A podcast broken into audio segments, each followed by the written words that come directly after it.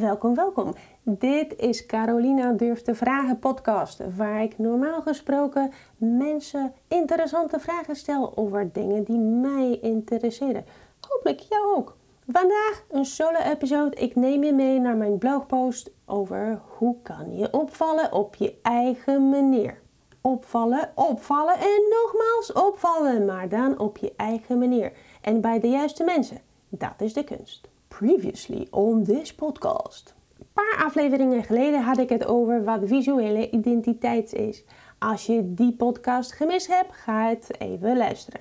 Ik heb gehoord dat het een hele goede is. In het kort, alles wat je met je ogen kan waarnemen, plus dat het bij de juiste mensen aansluit. Wat daarop volgde was een episode over de donkere kant van social proof namelijk anderen naapen en vooral je directe collega's. Onbewust natuurlijk, maar het neemt niet weg dat het niet zo'n slim idee is, commercieel gezien. Dus je snapt nu dat het belangrijk is om online zichtbaar en herkenbaar te zijn en dat je eigen instinct ook in de weg kan zitten. Maar de vraag blijft: hoe kan je opvallen op jouw eigen manier? In drie stappen. Appeltje, eitje. We beginnen eerst met jezelf. Wat is jouw manier dan? Ben je extravert of introvert? Hou je van uitgesproken meningen en een flinke discussie of juist van het gouden midden en gezellig samen zijn? Ben je weg van balans of ben je juist een vechter? Dit weten de meeste mensen over zichzelf, maar het is vaak niet heel gestructureerd of een tikkie houtisch. Wat wel kan helpen is je archetype onderzoeken. Wat is een archetype? Arge wat is een archetype? Geen stereotype, maar juist iets neutraals of zelfs positiefs. Een archetype komt uit Grieks en dat kan ik niet uitspreken. Wat betekent begin of een bron? Is een geïdealiseerde oermodel dat ten grondslag ligt aan latere varianten personificaties, objecten of concepten uit de culturele traditie of zelfs de geschiedenis helden kunnen dienen als archetype.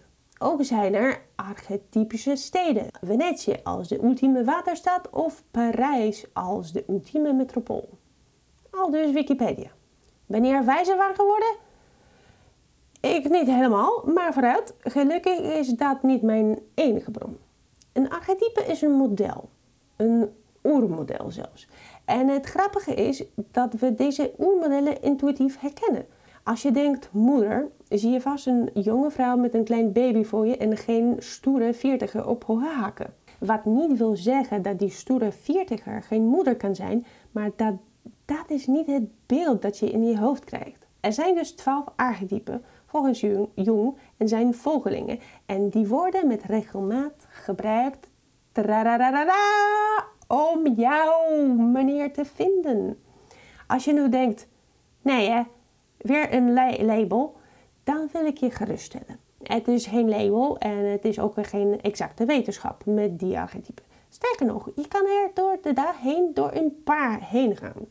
Dus chill, neem het allemaal met een kordeltje zout en gebruik het als een richting en een hulpmiddel. Hoe vind je je archetype? Funny that you ask. Je kan jezelf helemaal suf inlezen over dit onderwerp. Er zijn gazillion boeken, blogposts en YouTube-video's hierover. Maar ik dacht, misschien heb je daar geen tijd voor. Dus bij deze een quiz. Link in de show notes. Geen korte. Er zijn 12 vragen, maar je krijgt wel wat voor die 5 minuten van je tijd. Jouw archetype. En als ik dat archetype weet, wat dan? Stap 2 opvallen op je eigen manier tussen je concurrenten. Als ik jouw archetype ken, is het tijd voor stap 2 bij het opvallen op je eigen manier. Want of iets opvalt of niet, is volledig afhankelijk van de omgeving of het vergelijkingsmateriaal. Dus in de tweede stap gaan we kijken naar je concurrentie. Welk archetype of archetypen hebben zij? Misschien precies dezelfde als jij of misschien juist een hele andere. Als de meeste van die concurrenten hetzelfde archetype gebruiken, maar jij juist iets anders, is het gesneden koek. We pakken door op de verschillen. Ik ken bijvoorbeeld geen administratiekantoor dat een rebels of hero-archetype zou gebruiken. Ze lijken naar mijn mening allemaal te gaan voor de zorggever, met alle consequenties van die. Zo'n rebels administratiekantoor zou uitsteken als, als Mick Jagger tussen de nonnen. Maar het is niet altijd zo makkelijk.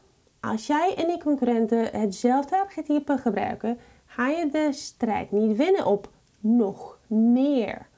Nog meer liefde, nog meer ontzorging, nog meer koffie en chocolade.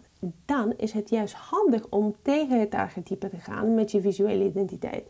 In ieder geval een beetje als je het durft. Maar wees jezelf ervan bewust dat dit glad ijs is. Gebruiken zij allemaal pasteltinten? Ga voor zwart en wit en hoog contrast, maar dan met veel golvende vormen en krullen in de lettertypes. Dan ben je nog steeds wat zacht, maar je ziet er heel anders uit dan de rest. Maar het beste is nog om een derde stap erbij toe te voegen. Stap 3. Wat is het archetype van je klant? En dit is iets waarbij veel ondernemers gewoon door het ijs zakken. Je denkt zelden aan je klant, die ideale klant, als een archetype. Je weet hoe oud hij is en of hij een hond heeft. Maar ik zie zo weinig klanten hun, hun klant als archetype beschrijven dat het me ontzettend verbaast. Op mijn blogpagina heb ik een hier een hele goede voorbeeld van uh, Prince of Darkness en Prince of Wales. Ga het kijken, het is, uh, het is grappig. Bij stap 3 gaan we verplicht kijken naar het archetype van jouw klant. Dus stel, je bent een business coach. Jouw archetype, net als bij de meeste van, de, van je concurrenten, is hero. Maar de klant waarop je richt is wat? Als hero praat je anders tegen een zorggever of tegen een onschuldige dan tegen een andere hero of een ontdekkingsreiziger. Je gaat er zelf anders uitzien om juist hen aan te trekken. Visuele metaforen om op te vallen op jouw manier. We gaan door met die ontdekkingsreiziger. Stel dat dit het archetype is van je ideale klant. Wat een ontdekkingsreiziger aantrekkelijk vindt, vindt een magier niet relevant. En een gewone man verschrikkelijk. Maar zoals ik helemaal aan het begin vertelde, hierover hoef je je geen zorgen te maken. Je wil opvallen bij de juiste mensen en de rest mag doorscrollen. Dit gaat verder dan alleen kleuren, vormen en lettertypes. Dit gaat over concepten, ideeën en visuele metaforen. Bijvoorbeeld een kompas of een kaart, een foto van een lege weg, een trekkingschoenen volledig onder modder, slapen onder de sterren en buiten ontbijten, zelfs als het sneeuwt. Dat is iets wat een typische ontdekkingsreiziger zou triggeren.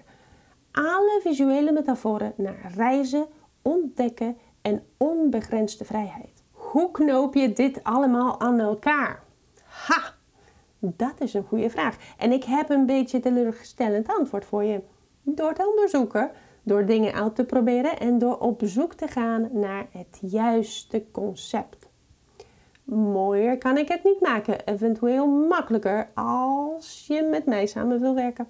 Ik ga je niet ontzorgen. Echt geen zorggever archetype hier. Sterker nog, ik ga je veel vervelende vragen stellen en ook nog intelligente antwoorden verwachten. After all, my rebel, jij bent diegene die jouw business het beste kent. Dit was het voor vandaag. Alle relevante links zijn natuurlijk in de show notes. En tot volgende keer. Doei!